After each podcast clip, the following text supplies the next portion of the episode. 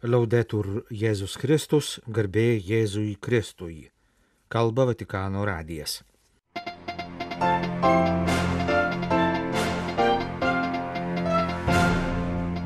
Ketvirtadienį popiežius priėmė Airijos prezidentą ir pasaulinio žydų kongreso vadovą. Sinodas yra skirtas tam, kad visi pakrikštytieji aktyviau imtųsi savo atsakomybės bažnyčioje, o vyskupai geriau suprastų savo vaidmenį, sakė Vatikane vykstančioje sinodo asamblėjoje dalyvaujantis Vilniaus arkivyskupas Gintaras Grušas. Koks sinodo vaidmuo ortodoksų bažnyčioje? Apie tai prieš kelias dienas sinodo asamblėjoje kalbėjo ortodoksų bažnyčios metropolitas Jobas. Šventojo popiežiaus Pijaus X relikvijų piligrimystė Italijoje. Trečiadienio vakarą jos atvežtos į Veneciją, kurios vyskupas Pijus X buvo prieš išrinkimą popiežiumi.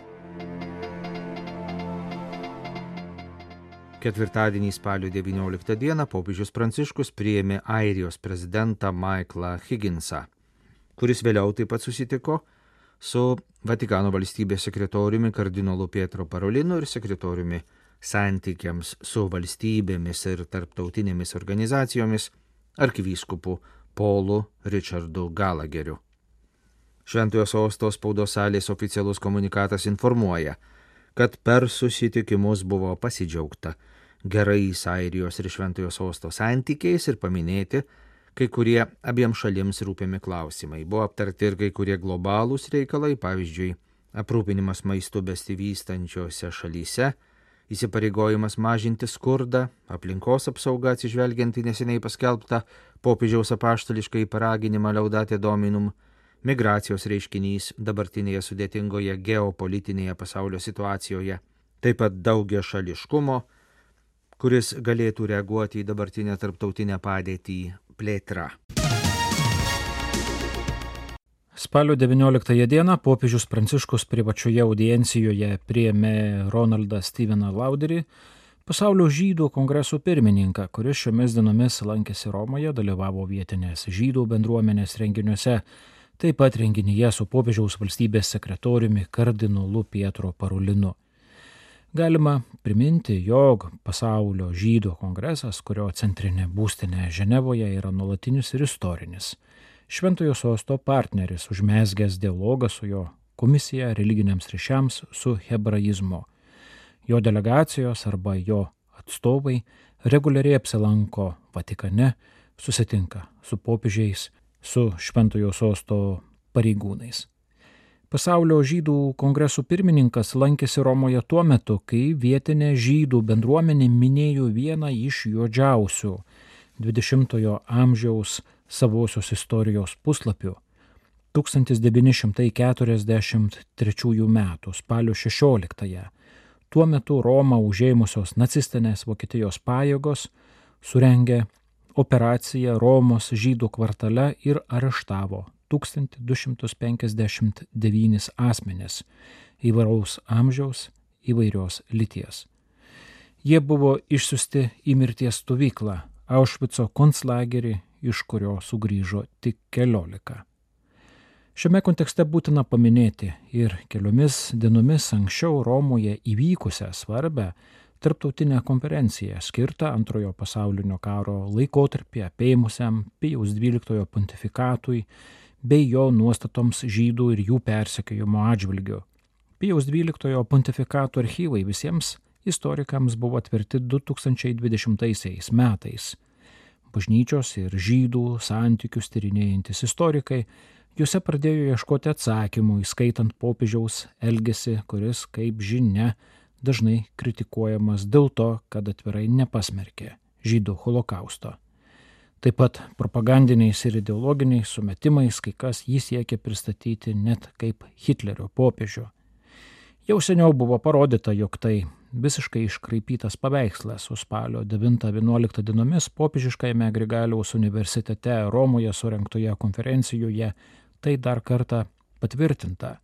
Ši konferencija yra pirmas bandymas susumuoti archyvų tyrimų rezultatus reikia paminėti, kad kalbama apie milijonus puslapių dokumentų. Tiesa, jog Pijus XII vengia viešų pareiškimų, tačiau šią tariamą tylą reikia interpretuoti labai trapios ir sudėtingos popiežiaus pozicijos diktatoriškoje aplinkoje kontekste. Taip pat tokių epizodų, kokie įvyko Olandijoje, nacistams dar kraugeriškiau represavus katalikus ir žydus po viskupų protesto 1942 metais šviesoje. Pijus XII buvo tylus, bet nebuvo pasyvus kaip liudyja jo laiškai, amžininkų atsiminimai, parama Romos vyrų ir moterų vienuolijoms, kurios 1943-1944 metais paslėpė ir nuo persikiojimų apsaugojo keletą tūkstančių Romos žydų. 1943 m. represijų paminėjimas įvyko šventojoje žemėje vėl liejantis žydų ir palestiniečių kraujui.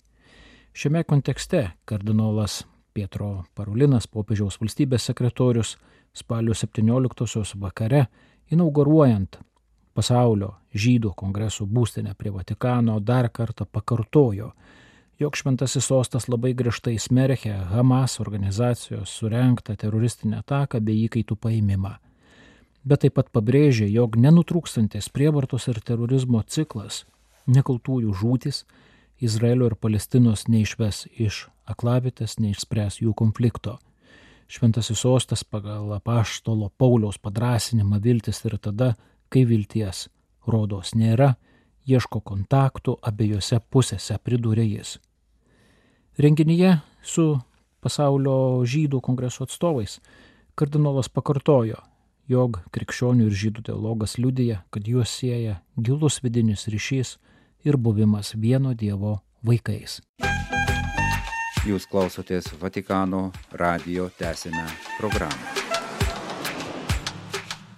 Jau įpusėjo vyskupų sinodo asamblėja, kuri kai kuriais esminiais dalykais skiriasi nuo pastaraisiais dešimtmečiais renktų sinodų.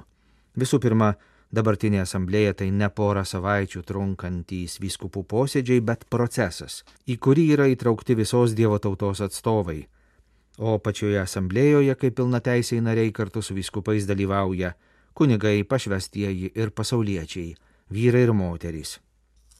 Dėl demografinių proporcijų ne vienas pasauliečių pašvestųjų ir kunigų atstovas iš Lietuvos nepateko į asamblėjos dalyvių sąrašą Bažnyčiai Lietuvoje asamblėjoje atstovauja tik vienas dalyvis - telšių vyskupas Algirdas Jurevičius, nuo pat pradžių buvęs atsakingas už sinodinio proceso eigą Lietuvoje. Asamblėjoje tiesa dalyvauja ir Vilniaus arkivyskupas Ginteras Grušas, tačiau ne kaip Lietuvos vyskupų konferencijos pirmininkas, bet kaip Europos vyskupų konferencijų tarybos prezidentas, šias pareigas einantis nuo 2021 m. rugsėjo. Arkivyskupas Grušas pasidalijo su mumis keletų minčių apie Vatikane vykstančią vyskupų sinodo asamblėją ir apie viso sinodinio proceso tikslus. Sinodo salėje iš tikrųjų vyksta gan laisvas pasidalinimas skirtingų nuomonių, pasisakymų yra įvairių, vienas su kitu nebūtinai sutinka, bet nebuvo duotas nurodymas, kad mes turim surasti kažkokį sprendimą. Mes turim įsisakyti savo nuomonės ir įsiklausyti į kitą. Iš tikrųjų, sinodas nėra, bent šita sinodinė asamblėja nėra tam, kad nuspręsti ką nors. Yra, kad bažnyčia eitų tuo procesu labai pabrėžiama bendra Dievo tautos kelionė ir kaip mes galim išmokti tuo keliu eiti kartu kad nebūtų viena ar kita dalis, ne tos prieš priešos, kur mes matom labai dažnai visuomeniai, bet įsiklausimo procesas ir ieškojimas, kaip mes kaip po bažnyčia pabrėžiama krikšto gautą e, pareigą ir e, teisė, žmogaus orumas kaip po krikščionio, bet irgi, kad jis dalyvauja bažnyčios gyvenime, kad turi dalyvauti. Ir, ir tai yra, kuo skiriasi ir, ir vyskupų sinodas, kur tik būdavo vyskupai, ir dabar ką aš daugiau vadinčiau sinodinė asamblėja, ką mes turėjom ir kontinentų lygmenį, tai yra kaip visa Dievo tauta. Ir, ir, ir bus kalbama, kaip tas santykis tarp vyskupų vaidmens ir jų šventimų gautų pareigų atpažinti teisingą kelią ir eiti su Dievo tauta ir tie bendri Dievo tautos susirinkimai. Tai tie dalykai dabar bandoma geriau suprasti ir tą daroma dialoginiu būdu. Šita asamblėja baigsis e, spalio pabaigoje, bet po metų vėl susirinksite antram kartui. Kaip Jums atrodo, koks bus šito sinodo rezultatas? E, manau, kad jis mus pasiūs su tematikom, kurias ekspertai, teologai ir kanonistai svarstys per ateinančius metus, kad galėtumėm pasiruošti sekančiam etapui šito sinodo kelio. E, gali būti kažkokie pakeitimai bažnyčios teisės kodekse, kai kurie dalykai jau dabar yra, kur padės mums gyventi labiau sinodiškai, labiau dialogio būdu, ieškant sprendimų, bet tai yra ir kad pasauliečiai ir e, kunigai ir pašvestieji savo vaidmenį aktyviau apsijimtų bažnyčios gyvenime, vyskupai savo vaidmenį geriau suprastų tuo pačiu ir tą vaidmenį vykdytų. Kalbėjo Europos vyskupų konferencijų tarybos prezidentas Vilniaus arkivyskupas Gintaras Grušas. Kas yra sinodas ortodoksų bažnyčioje? Šią temą Viskupų sinodo asamblėjoje kalbėjo svečias iš Konstantinopolio visuotinio patriarchato Pisidijos metropolitas Jobas, vienas iš dvylikos asamblėjoje dalyvaujančių broliškų delegatų, atstovaujančių seseriškoms bažnyčioms ir krikščionių bendruomenėms Anot ortodoksų metropolito, sinodiškumas ortodoksų bažnyčioje praktikuojamas pagal 325 metais Nikėjos susirinkimo nubrėžtas gairias. Sinodas yra kurio nors regiono vyskupų susitikimas, vykstantis bent du kartus per metus ir kuriam pirmininkauja vyskupų primas. Provincijos ar regiono tikinčiųjų vyskupai privalo pripažinti primą jį laikyti savo galva ir nedaryti nieko svarbaus be jo leidimo. Kiekvienas vyskupas gali daryti tik tai, kas liečia jo vyskupiją ir jai priklausančias teritorijas, o primas negali daryti nieko be visų leidimo. Nes tik tokiu būdu įsivyrauja darna ir Dievas bus pašlovintas per viešpatį šventojojo dvasioje, sakoma ortodoksų bažnyčios kanonuose. Sinodiškumo supratimas ortodoksų bažnyčioje gerokai skiriasi nuo vyskupų sinodo 16-osios eilinės generalinėje asamblėjoje pateikto apibrėžimo, patikino metropolitas Jobas. Ortodoksų bažnyčioje sinodas yra sprendžiamasis vyskupų susirinkimas, o ne patiriamasis dvasininkų ir pasauliečių susirinkimas. Bažnyčioje negali būti sinodo be primo ir primo be sinodo. Primas yra sinodo dalis ir nors neturi viršesnės valdžios sinodui, negali būti nuo jo atskirtas. Darna išreiškiama sinodiniu sutarimu atspindi trejybinį dieviškojo gyvenimo slėpinį, patikino visuotinio patriarchato metropolitas. Ortodoksų bažnyčia nuo seniausių laikų laikosi tokios tvarkos, nors sinodų dažnumas ir jų sudarimas gali skirtis kiekvienoje autokefalinėje bažnyčioje. Pasauliečiai nėra sinodo nariai, tačiau ortodoksų bažnyčia įvairiuose etapuose įtraukdavo kitus dvasininkus ir pasauliečius į sinodų sprendimų prieimimą. Bažnyčia Kipre yra išimtis vyskupus renka ne vien episkopatas, bet ir dvasininkai ir pasauliečiai. Visi salos gyventojai gali balsuoti vyskupystės kandidatų rinkimuose ir tik po to sinodas iš trijų daugiausiai balsų gavusių kandidatų išrenka vyskupą. Broliški sinodo asamblėjos delegatai be Pisidijos metropolito atstovaujančio Konstantinopolio visuotiniam patriarchatui yra Serbijos ortodoksų bažnyčios patriarcho vikaras vyskupas Nektarija, Rumunijos ortodoksų bažnyčios metropolitas Josifas, Koptų ortodoksų bažnyčios vyskupas Barnaba, Armenijos apaštališkosios bažnyčios arkivyskupas Barsamianas, Sirų Malankarų ortodoksų bažnyčios metropolitas Mar Barnabas, Anglikonų bendrijos vyskupas Varneris, pasaulinės metodistų tarybos pirmininkas kunigas Parkas, pasaulinės reformuotų bažnyčių bendrijos generalinis sekretorius kunigas Lesingas, pasaulinės baptistų sąjungos doktrinos ir krikščionių vienybės komisijos pirmininkė Newman, pasaulinės sekmenininkų brolyjos atstovas kunigas Oninahas ir pasaulinės Kristaus mokinių draugijos generalinis sekretorius čia. Spalio 18 vakarą prasidėjo ketvirtoji Šventojo Pijaus X relikvijų kelionės Venete, Italijos šiaurės rytų regione stotis po Šventojo palaikų piligrimystės Trevize, Riezėje ir Paduvoje sarkofagas atvežtas į Veneciją Tikintieji, kurie per ateinančias dienas iki sekmadienio spalio 22 dienos pamaldžiai pagerbs šventojo palaikus išstatytus Venecijoje, švenčiausiosios mergelės Marijos sveikatos bazilikoje, galės pelnyti visuotinius atlaidus.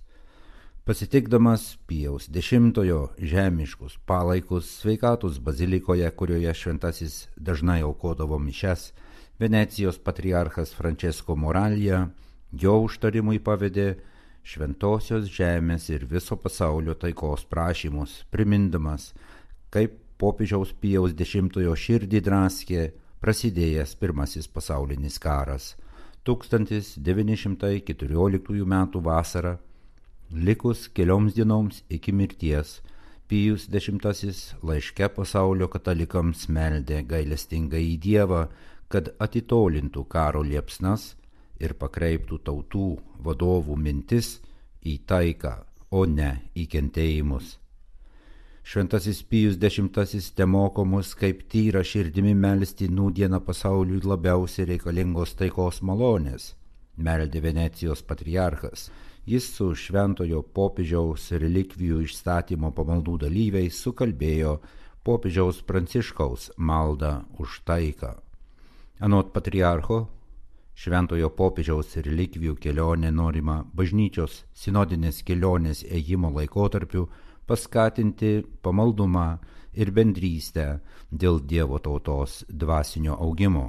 Francesco Moralė patikino, jog buvusio Venecijos patriarcho ir popiežiaus šventojo Giuseppe Melchiore Sarto Pijaus X gyvenimo pavyzdys moko, kad bažnytinės struktūros yra priemonės šventumui siekti.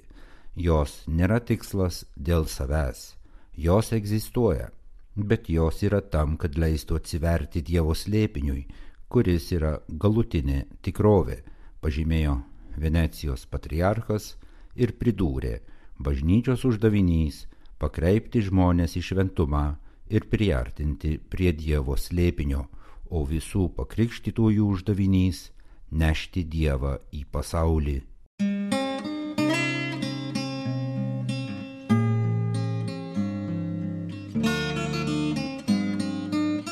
Kalba Vatikano radijas. Laidą lietuvių kalba baigėme. Garbėjai Jėzui Kristui, laudetur Jėzus Kristus.